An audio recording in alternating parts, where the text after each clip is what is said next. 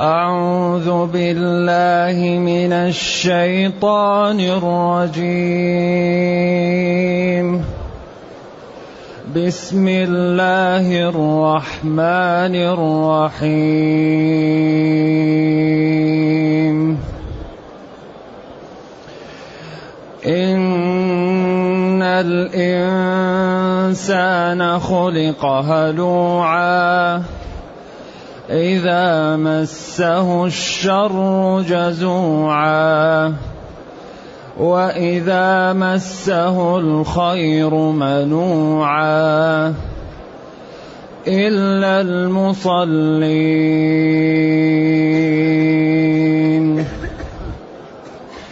إلا المصلين. الذين هم على صلاتهم دائمون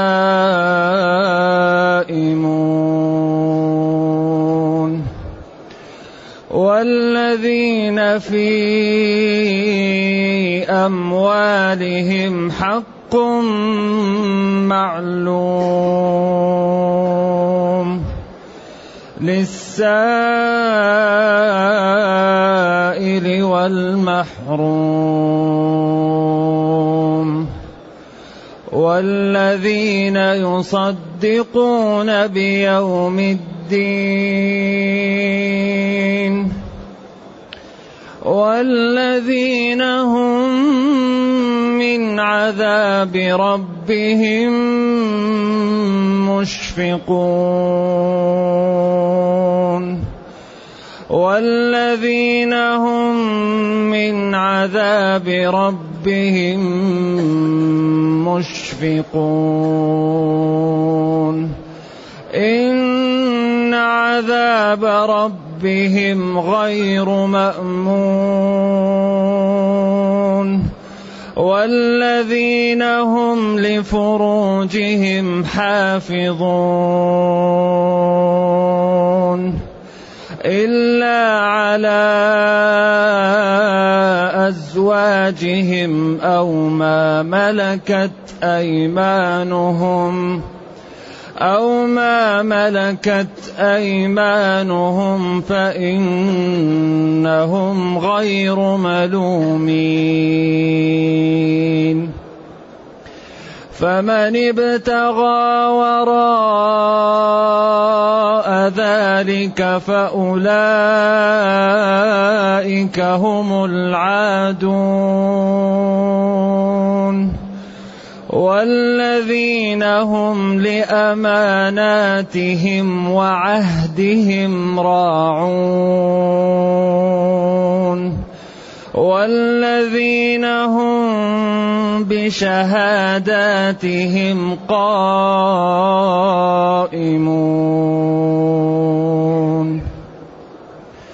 والذين هم على صلاتهم يحافظون أولئك في جنات.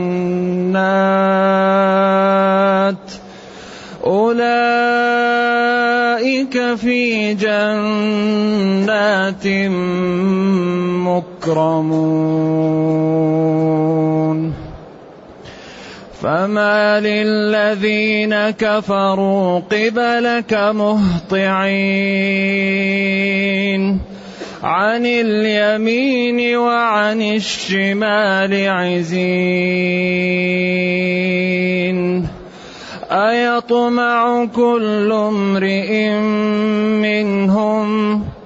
أيطمع كل امرئ منهم أن يدخل جنة نعيم؟ كلا خلقناهم مما يعلمون. فلا أقسم برب المشارق والمغارب.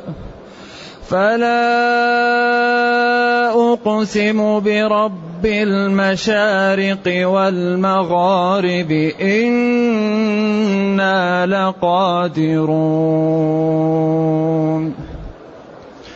على أن نبدل خيرا منهم وما نحن بمسبوقين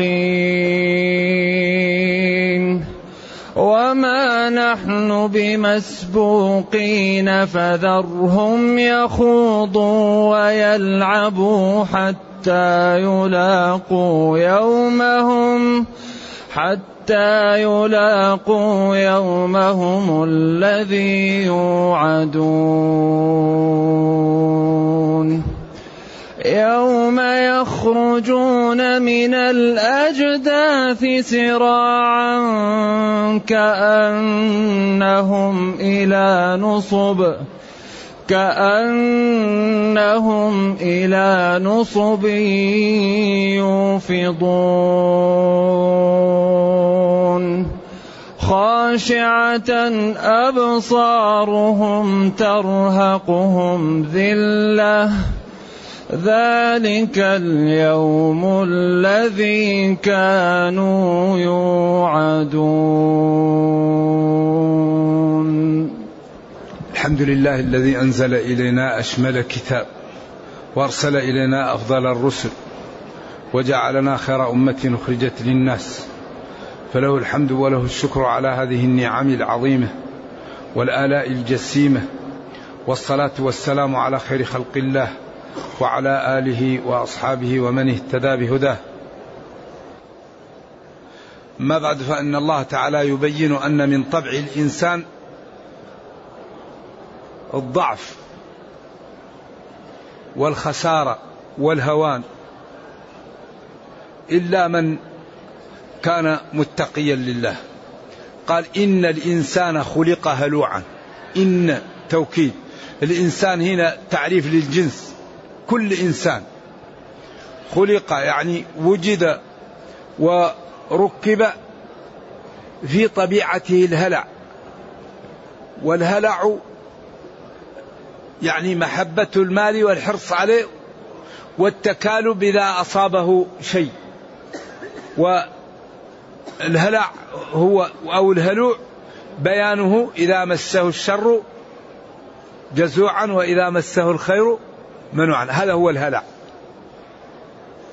يعني حريص. وإذا أصابه شيء لا يتماسك ويحزن ويضعف. هذا طبيعة الإنسان. وبعدين استثنى من هذا الشريحة الطيبة كما قال هناك إلا الذين آمنوا. إلا المصلين هم إلا الذين آمنوا.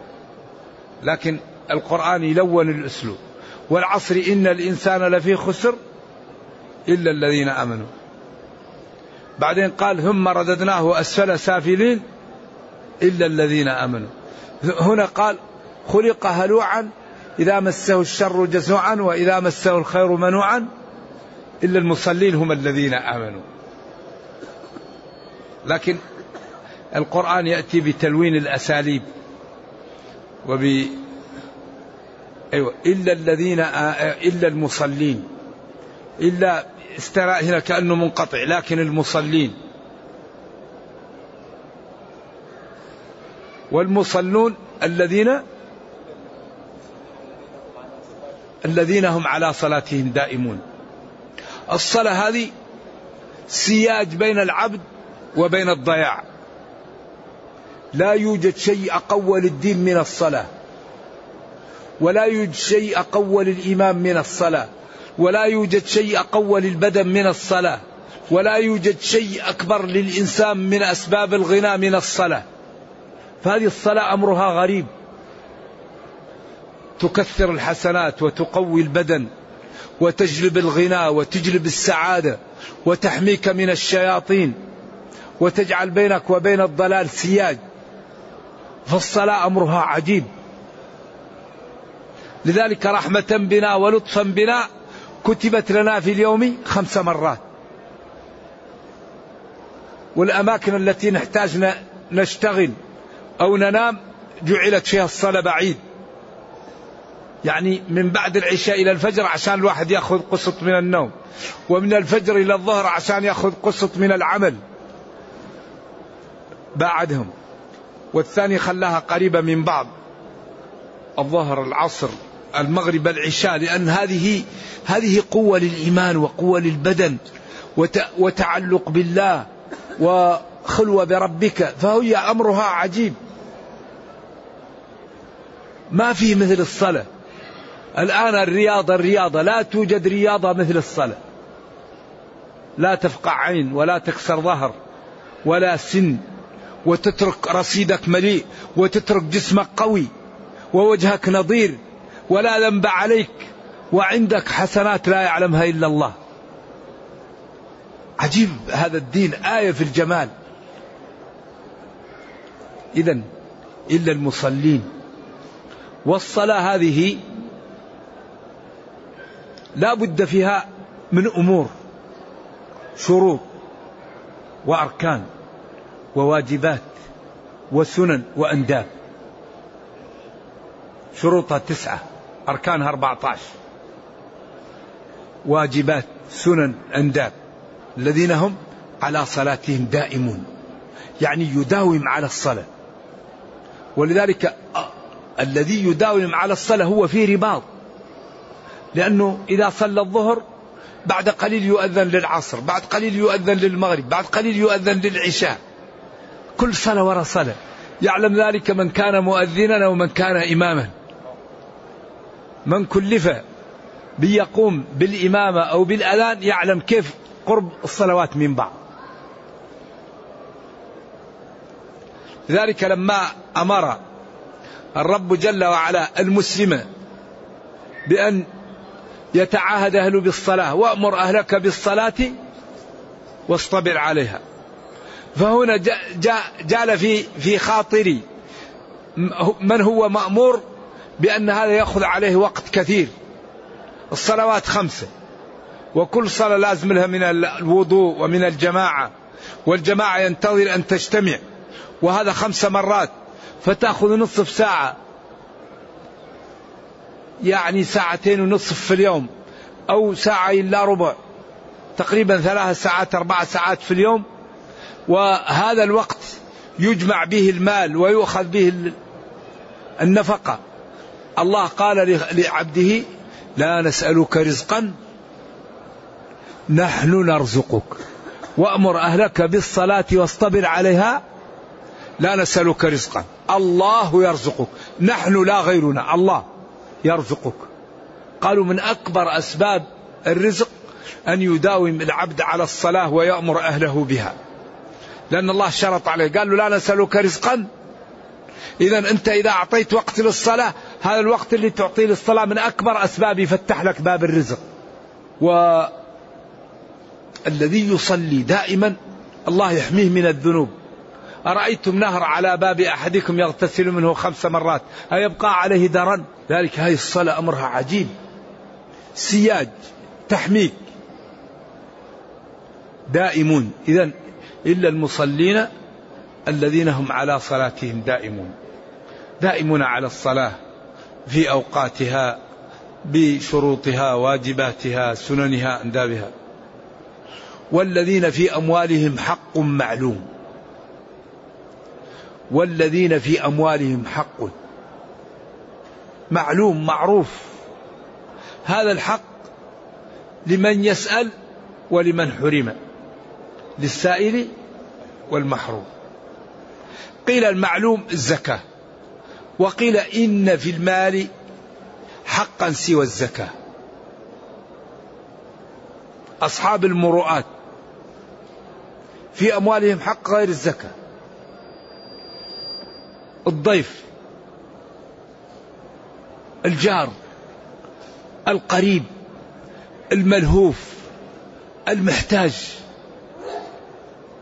يعني كل إنسان له مروءة في ماله حقوق غير الزكاة. ولكن في الجملة من أدى الزكاة؟ يعني لا يلام. لكن لأن الأمور الأخرى عارضة ما هي كل وقت. لكن الزكاة لازمة. أما غير الزكاة فتأتي في وقتها. نعم واحد جار لك لا سمح الله احترق بيته. طيب لازم تعطي لجارك. جارك جاءته مناسبة. ينبغي أن تتعهد جارك قريبك ضيف نزل عندك. لا بد أن تستضيفه وأن تكرمه. إذا إن في المال حقا سوى الزكاة. نعم. هذا المال للسائل. من سألك؟ تعطيه. أعطوا السائل. وأما السائل فلا تنهر. يا أخي سائلك جاك أعطيه ما تعطيه قل له الله ي... الله ي... الله يسر أمري وأمرك. أما تنهاره لا ينبغي. فلذلك ينبغي الحقيقة أن الإنسان لا يسأل لأن السؤال يقفل باب الخير عن الإنسان. ما فتح عبد باب مسألة إلا فتح الله عليه باب فقر. والذي يأتي يوم القيامة وجهه ما في لحم. ولذلك آخر المكاسب السؤال. لكن المسلم إذا سئل يعطي. ما دام سأل أعطيه. هو اللي دخل أهان نفسه وورط نفسه لكن المسلم إذا سئل يعطي. ولذلك ما سئل نبينا صلى الله عليه وسلم إلا أعطى أو رد ردا جميلا. كما قال له ربه وإما تعرضن عنهم ابتغاء رحمة من ربك ترجوها فقل لهم قولا ميسورا. قل لهم إن جاءت الغنائم إن جاء شيء أبشروا. إلا تكن ورق يوما أجود بها للسائلين فإني لين العود. لا يعدم السائلون الخير من خلقي إما نوالي وإما حسن مردودي. فرد السائل رد جميل أحسن من الإعطاء الذي يتبعه المن والأذى. الإنسان إذا كان يعطي يمن ويذا الأولى يمسك ماله لأنه هذا لا فائدة فيه. ولذلك قال تعالى قول معروف ومغفرة خير من صدقة يتبعها أذى. يا أيها الذين آمنوا لا تبطلوا صدقاتكم بالمن والأذى. بعض الناس الله يعطيه يسر ويكون له جيران فقراء فيرفع صوته عليهم ويتعالى عليهم. لا لا أنت ضيعت إحسانك. أي إنسان أحسنت إليه ينبغي أن تتعاهد هذا الإحسان كما تتعاهد الزرع. الزرع إذا غرست ماذا تفعل؟ تسقيه ثم تسقيه. كذلك الإحسان يتعاهد بأنك تحترم صاحبه وتلاينه وتهش في وجهه وتحافظ على الإحسان لا تضيعه. ولذلك المحافظة على الإحسان أصعب من الإحسان. فكم من إنسان يعمل إحسان ويضيعه لأنه أخرق في التعامل. إذا إلا المصلين الذين هم على صلاتهم دائمون والذين هؤلاء في أموالهم حق معلوم معروف للسائل من يسأل والمحروم قيل هو الذي تفوته الغنائم. ما يأتي إلا بعد قسم الغنائم. وقيل هو الذي كل ما باع واشترى خسر كما قال الشافعي وإذا سمعت بأن محروما أتى ماء ليشربه فغاض فصدقي. وإذا سمعت بأن مشدودا أتى عودا فأثمر في يديه فحققي. ومن الدليل على القضاء وكونه بؤس اللبيب وطيب عيش الأحمق. أيوه. فبعض الناس يكون طيب وصاحب خلق ودين وفضل لكن كل ما راح للسوق ما يجيب شيء. محروم. الله ما أعطاه. فهذا مسكين ينبغي أن يفطن له وبالأخص إذا كان متعففا. هذا الجنس إذا ابتلي بأنه أخرق كل ما باع لا يربح وكل ما اشترى لا يربح يخسر. وهو متعفف هذا لا بد للطيبين أن يفطنوا له وأن يساعدوه. يحسبهم الجاهل أغنياء من التعفف. تعرفهم بسيماهم بالجوع وبالنحالة وبالفقر. هؤلاء لا بد أن يتعاهدوا وأن يحفظوا. أما الذي ترده آه، اللقمة أو التمرة أو الذي يتعرض هذا ما عنده مشكلة. المشكلة الذي لا يتعرض ولا تفطن له الناس.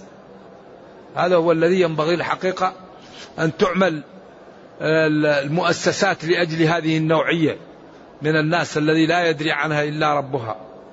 والناس لا تدري عنها أو من كان يعني متابع أو جار لصيق. نعم. إذا حق للسائل والمحروم السائل يعطى ولو على فرس. قال تعالى أطعموا القانع والمعتر. القانع المتعفف والقانع السائل والمعتر الواسطة. أو القانع المتعفف والمعتر السائل المتعرض على الأقوال في ذلك. إذا أطعموا كل الناس. كل من تعرض أو كان في حاجة ينبغي أن يطعم ويساعد. هذا الإسلام دين آية في الجمال والحسن. في الوقت الذي ينهى عن السؤال يأمر بالإعطاء. قال للصحابي خذ فأس ولا نراك أسبوعا. لأن يحتطب أحدكم خير له إيش؟ أعطوه أو منعه. الاحتطاب. واحد يأخذ الفأس ويأخذ الأشجار في الخلاء ويقطعها ويجففها ويبيعها. أحسن له من يسأل الناس. ثاني يقول ولقد أبيت على الطوى وأظله حتى أنال به كريم المأكل. لا تسقني ماء الحياة بذلة بل واسقني بالعز كأس الحنظل.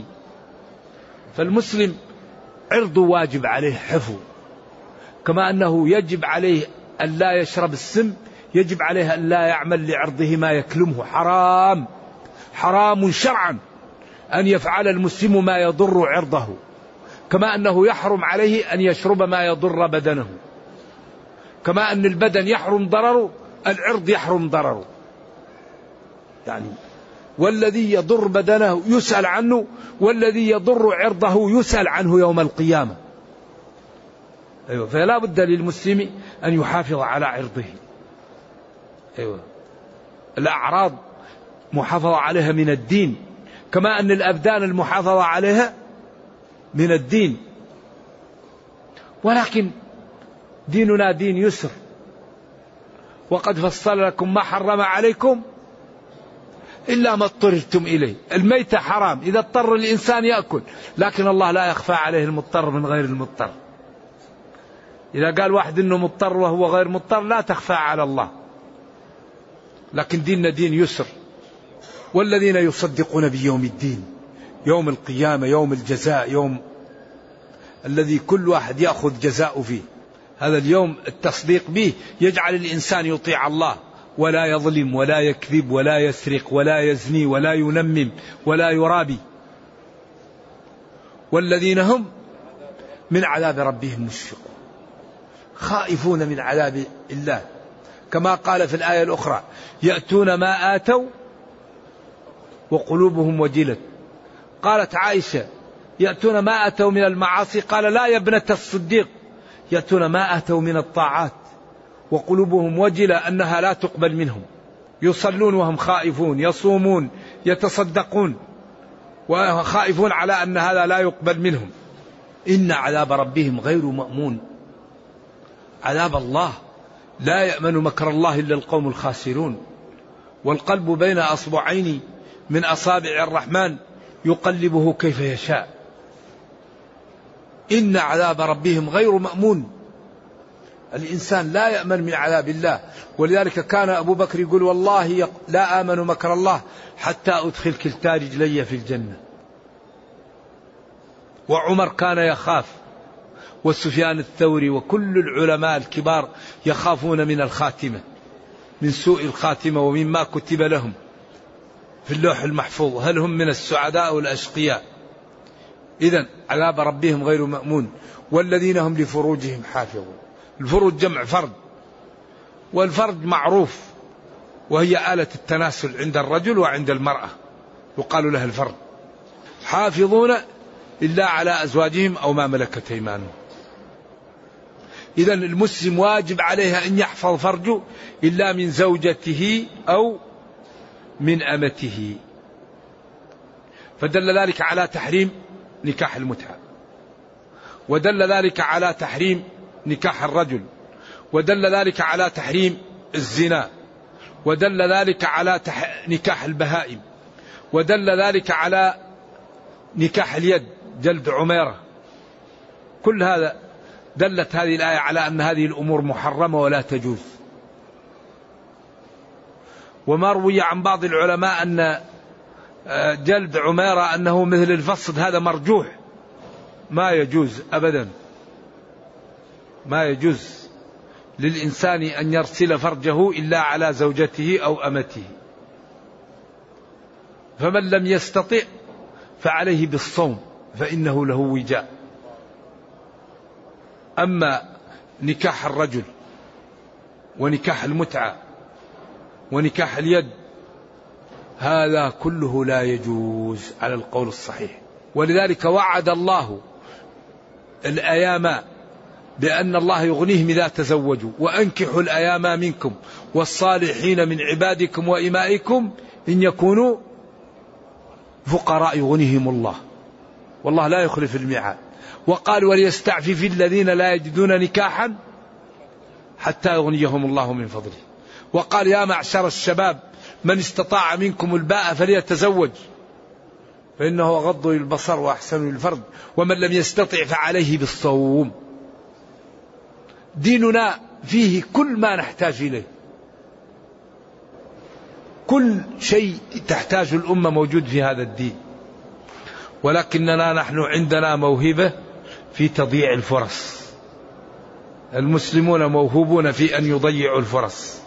الله المستعان. فإنهم غير ملومين في إرسال فروجهم على أزواجهم وما ملكت أيمانهم. فمن ابتغى تعدى وراء ذلك فأولئك هم العادون الخارجون عن طاعة الله وعن شرعه والذين هم لأماناتهم وعهدهم راعون.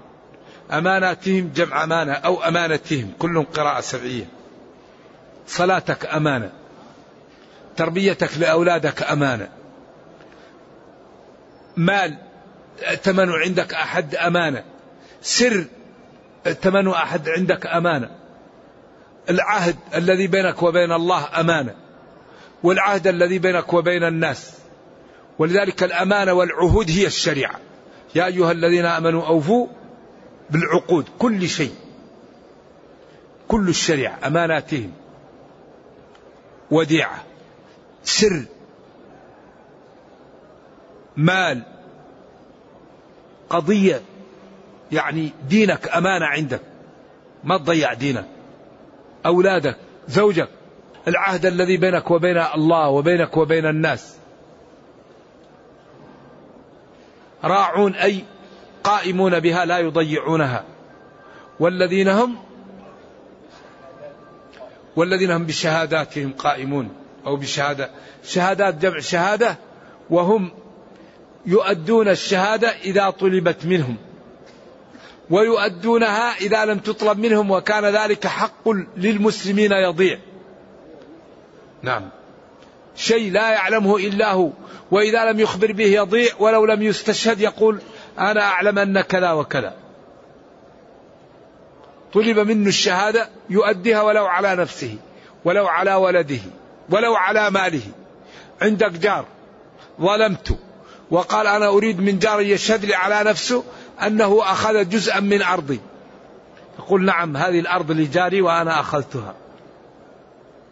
لكن نريد أن نصالح عليها أو نشتريها منه. يقول الحق. قائمون بالشهادة على أنفسهم على جيرانهم على أولادهم. والذين هم على صلاتهم يحافظون. هناك دائمون وهنا قال يحافظون. لأن الصلاة لها جانبان. جانب في الإتيان بها. في وقتها وجانب في الإحسان في فعلها داخلها. فهم يقومون بالجانبين يؤدونها في أوقاتها ويحافظون على ما يطالب بالحفاظ عليه في داخلها. ولذلك من حافظ على الصلاة كان له عهد عند الله أن يدخله الجنة. من حافظ عليها ومن لم يحافظ عليها فليس له عهد عند الله. إن شاء عذبه وإن شاء أدخله الجنة. وهذا أكبر دليل عند الجمهور على أن تركها غير كفر. لكن مقابل بقوله من ترك الصلاة فهو مع فرعون وهامان وأبي بن خلف. والتوسع في العبارة لا يؤكد. من تركها فقد كفر. فالصلاة هذه أمرها عجيب. ولا يوجد عبادة إلا وتسقط عن صاحبها إذا كان متعبا إلا الصلاة. الصلاة لا تسقط إلا عمن فقد العقل. العبادة المنوطة بالعقل الصلاة. أما الزكاة تسقط الصوم يسقط الحج يسقط الوضوء يسقط. لكن الصلاة لا تسقط إلا عن من فقد العقل. ما دام العقل فيه الصلاة فيه. ما في شيء مثل الصلاة. لقد رأيتنا وما يتخلف عنها إلا منافق معلوم النفاق. كان الرجل يؤتى به يهادى بين الرجلين فيقام في الصف. يا بني صلي هذه الصلاة حيث ينادى لها. أولئك من هذه صفاتهم في جنات مكرمون. في جنات أولئك مكرمون في حال كونهم في جنات. لا غيرهم ممن يتخلف عن الصلاة ولا يبالي ولا ينفق على الأيتام ولا يقدم شيء. بعدين قال فما للذين كفروا قبلك مهطعين عن اليمين وعن الشمال؟ ما للذين كفروا يا نبي قبلك تجاهك متجمعين عن اليمين وعن الشمال متفرقين؟ لا يقبلون ما تقول ويشتمونك ومع ذلك ينظرونك ويجتمعون حولك. ومع ذلك يقولون إن دخل هؤلاء الجنة نحن ندخل الجنة. أيطمع كل امرئ منهم أن يدخل جنة نعيم كهؤلاء المتقين؟ كلا. لا يدخلون الجنة ولا يلجونها حتى يلج الجمل في سم الخياط ما يمكن الكفار يدخلون الجنة. بعدين قال إنا خلقناهم مما يعلمون. هم أصلا خلقوا من ماء مهين قذر ونهايتهم جيفة ميتة وهم بين ذلك يحملون من لا يخف ما لا يخفى أين التكبر وأين التجبر وأين الاستطالة على الله و و و و والادعاء أنهم يكونون في شيء. وهم خلقوا من, من ماء مهين. قذر ونهايتهم جيفة فيها الحركة. وهم بين ذلك يحملون ما لا ما لا يخفى. أين التكبر وأين التطاول؟ يا مسكين اعبد ربك وخف. وطع الله واعلم أنك بدايتك الله أعلم بها ونهايتك الله أعلم بها. وأنت بين ذلك تحمل ما لا يخفى على أحد. فأين لك التكبر؟ أين لك التطاول؟ أين لك التجبر؟ أين لك الاستطالة؟ ثم قال فلا أقسم. لا تقدم أنها صلة. أقسم. أو ليس الأمر كما يقولون. أقسم. بما برب المشارق والمغارب. المشارق 360 والمغارب كذلك. وقيل مشا مشارق الصيف والشتاء والخريف والربيع. إنا لقادرون على أن نبدل خيرا من هؤلاء. نهلكهم ونأتي بخير منهم. كما قال وإن تتولوا ويستبدل قوما غيركم ثم لا يكونوا أمثالكم. وما نحن بمسبوقين. لا يفوتنا شيء ولا يعجزنا. وما أردناه يكون. ذرهم اتركهم. هذا أمر للتهديد والتخويف. يخوضوا ويلعبوا. يخوضوا في الكلام. ساحر الأولين أساطير الأولين شاعر كاهن. اكتتبها فهي تملى عليه أضغاث أحلام بل افتراه بل هو شاعر. يخوضوا ويلعبوا حتى يلاقوا يومهم الذي يوعدون فيه بالجزاء. أين هو؟ يوم يخرجون بدل من اليوم الأول. من الأجداث الأجداث جمع جدث والجدث هو القبر. قال عمر بن العديد من كان حين تمس الشمس جبهته أو الغبار يخاف الشين والشعثاء ويألف الظل كي تبقى, تبقى بشاشته فسوف يسكن يوما راغما جدثا في ظل مظلمة غبراء مقفرة كما يطول في بطنها اللبثاء تجهزي بجهاز تبلغين به يا نفس واقتصدي لم تخلقي لم تخلقي عبثا. فسوف يسكن يوما راغما جدثا أي قبرا. أجداث هي القبور. سراعا كأنهم إلى نصب إلى نصب أو نصب نصب. وهو الصنم أو الشيء المنصوب أمامهم يفيضون يجرون إليه خاشعة أبصارهم تعلوهم الذلة والإهانة. وقد كانوا ذلك اليوم الذي كانوا يوعدون ويخوفون به أنهم إن لم يؤمنوا سيلاقون فيه العقوبة والإهانة. وقد كذبوا والآن سيلاقوا ذلك نرجو الله السلام والعافية. نرجو الله جل وعلا أن يرينا الحق حقا ويرزقنا اتباعه وأن يرينا الباطل باطلا ويرزقنا اجتنابه وأن لا يجعل الأمر ملتبسا علينا فنضل. اللهم ربنا أتنا في الدنيا حسنة وفي الآخرة حسنة وقنا عذاب النار اللهم اختم بالسعادة آجالنا واقرم بالعافية غدونا وآصالنا واجعل إلى جنتك مصيرنا ومآلنا. سبحان ربك رب العزة عما يصفون وسلام على المرسلين. الحمد لله رب العالمين. صلى الله وسلم وبارك على نبينا محمد وعلى آله وصحبه. والسلام عليكم ورحمة الله وبركاته.